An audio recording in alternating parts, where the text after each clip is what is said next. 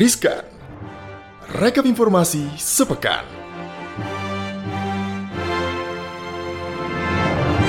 Hai hai hai, balik lagi di Riskan, rekap informasi sepekan. Kali ini bareng gue Andi Shalini atau Sasa dan juga Hai Sobat Cuan, ada Ellen lagi di sini.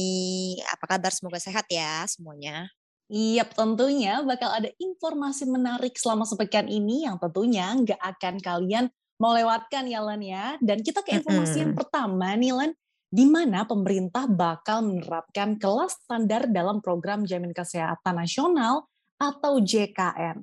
Sehingga dengan adanya kelas standar ini, maka sistem kelas 1, 2, dan 3 yang berlaku dalam program BPJS Kesehatan akan dihapuskan. Nah, lantas seperti apa sih konsep penerapan kelas standar BPJS Kesehatan ini, Len?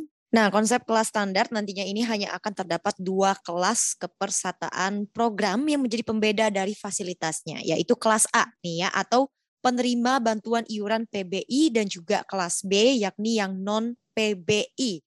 Segmen peserta pekerja penerima upah, PPU, dan pekerja bukan penerima upah atau PBPU atau yang mandiri ini baru akan tergolong sebagai non PBI dan ini berdasarkan kelas PBI dan juga non PBI ini lagi nih. Jadi ketentuan luas kamar dan juga seperti jumlah tempat tidur tiap kamar ini juga akan berbeda. Di mana kalau untuk kelas A bagi peserta yang PBI ini minimal luasnya per tempat tidur sebesar 7,2 meter persegi dengan jumlah maksimal 6 tempat tidur per ruangan. Nah, kalau yang kelas B bagi peserta non PBI ini Luas per tempat tidurnya sebesar 10 meter persegi dengan jumlah maksimal 4 tempat tidur per ruangan. Nah, terus tarifnya berapa nih pertanyaannya nih? Ini pasti pertanyaan yang paling ditanyain ya oleh Sobat Cuan. Kira-kira tarifnya seperti apa nih Sasa? Iya, jadi memang anggota Dewan Jaminan Sosial Nasional Mutakin menjelaskan sampai saat ini pihaknya bersama otoritas terkait masih terus memformulasikan mengenai iuran BPJS Kesehatan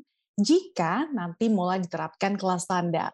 Tapi sudah beredar kabar ya bahwa tarifnya ini akan berada pada kisaran antara Rp50.000 sampai Rp70.000 per bulan. Tapi ini belum pasti ya, karena masih menunggu finalisasi KDK Kemenkes dan juga penerapan ini rencananya bakal dilakukan bertahap hingga akhir 2022, Len. Hmm, berarti belum final nih ya. Berarti masih harus kita nantikan nih seperti apa nanti ketok palunya. Kira-kira tarif yang fixnya nih berapa? Tapi so far range-nya udah dikasih teaser dikit ya. Kira-kira nih antara lima puluh ribu sampai tujuh puluh ribu. Ya. Iya, sudah ada bayangannya nih kira-kira buat sobat cuan. Ya mungkin ya kalau misalkan nanti di decide lagi, kira-kira ya mungkin nggak akan jauh-jauh amat dengan harga yang tadi dikasih tahu gitu ya 50 sampai yeah. 70 ribu gitu ya. Mm-mm. Betul Ellen.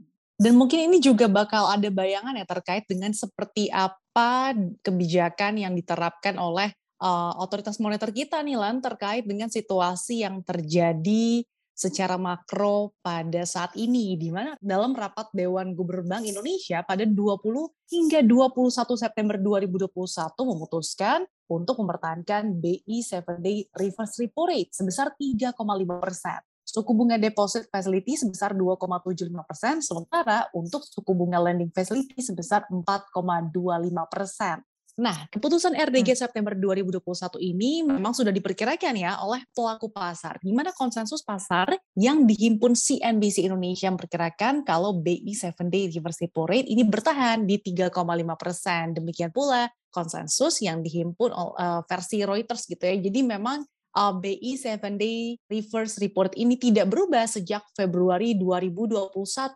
Artinya suku bunga acuan ini sudah bertahan selama tujuh bulan beruntun. Meski demikian nih Ellen, arah kebijakan BI tetap pada jalur mendukung pertumbuhan ekonomi ya alias pro-growth. Dan level suku bunga acuan sekarang ini adalah terendah sepanjang sejarah loh. Dan memang fokusnya kini adalah untuk mempercepat transmisi kebijakan hingga sampai kepada suku bunga kredit perbankan supaya roda perekonomian ini bisa kembali berputar, Ellen. Iya, ini dia ya yang memang menjadi fokusnya para investor tiap bulan melihat uh, kebijakan suku bunga. Tapi memang kalau kita lihat di luar negeri di Amerika Serikat pun The Fed juga belum mm, menurunkan suku bunganya. Nah, dan ini menurut Tirta Citra di ekonomi mensi sekuritas dalam risetnya menyebut kalau mempertahankan suku bunga adalah keputusan yang memang tepat untuk menjaga stabilitas di tengah hawa normalisasi kebijakan moneter global.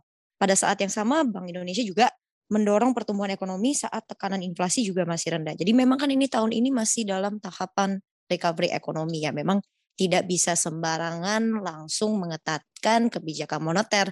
Apalagi kalau kita berkaca dengan The Fed yang kemarin baru memberikan kisi-kisi bakal hmm. lebih hawkish itu saja sudah mendrive market seperti apa gitu. Jadi balik lagi walaupun memang ada negara lain seperti Korea Selatan yang sudah mulai menaikkan suku bunga acuan. Ya kita lihat saja tahun depan seperti apa. Kalau memang uh, the Fed akan menaikkan suku bunga, apakah Bank Indonesia juga akan mengikuti?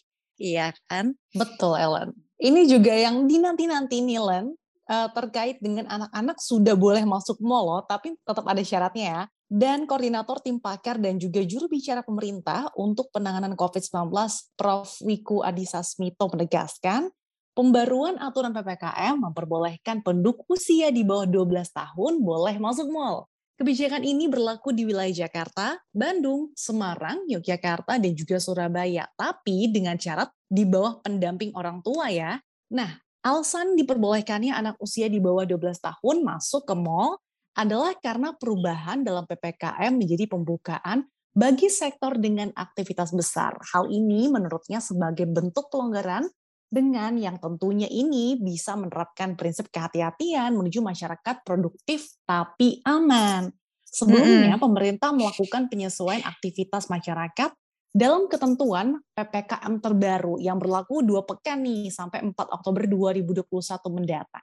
Salah satunya yaitu uji coba pembukaan pusat perbelanjaan atau mall bagi anak-anak di bawah 12 tahun. Oke, nah ini dia ya pelonggaran yang membuat optimisme bagi pengusaha pusat perbelanjaan terutama dalam peningkatan tingkat kunjungan masyarakat. Karena kan memang mall itu salah satu yang terpukul juga kan kemarin saat PPKM level 4 atau PPKM versi ketat pada bulan Juli dengan lonjakan kasus yang juga cukup signifikan. Dan menurut Ketua Asosiasi Pusat Perbelanjaan Indonesia Alfonsus Wijaya, memang pelonggaran ini sangat dibutuhkan banget untuk pengusaha agar bisa menggerakkan perekonomian terutama usaha pusat perbelanjaan di mana kondisi mall ini memang sudah jauh lebih aman dan sehat karena kan sudah terscreening dengan baik dengan adanya hmm aplikasi peduli lindungi juga kan ya sebelum masuk yep. dan juga keluar. Nah dari pelonggaran tersebut inilah harapannya adalah tingkat kunjungan mall bisa meningkat paling nggak mencapai 10% dari rata-rata tingkat kunjungan mall sebelumnya atau mungkin selama sebelum pandemi yang berkisar di antara 15 sampai 20%. Nah, semoga memang dalam waktu tidak lama izin anak di bawah usia 12 tahun yang boleh masuk ke pusat perbelanjaan ini atau mall ini bisa diterapkan juga ya pada daerah lainnya selain DKI Jakarta, Bandung, Semarang, Yogyakarta, dan juga Surabaya. Ya kita lihat saja seperti apa ya, karena memang kasus COVID-19 sekarang sudah mulai menurun, dan pastinya ini kan masih masa uji coba, jadi mungkin akan dievaluasi lagi nih aturan ini, apakah akan berjalan selama sebulan, dua bulan, atau melihatlah kondisinya seperti apa gitu ya. Betul, kuncinya memang jangan lengah ya, tetap selalu mm -hmm.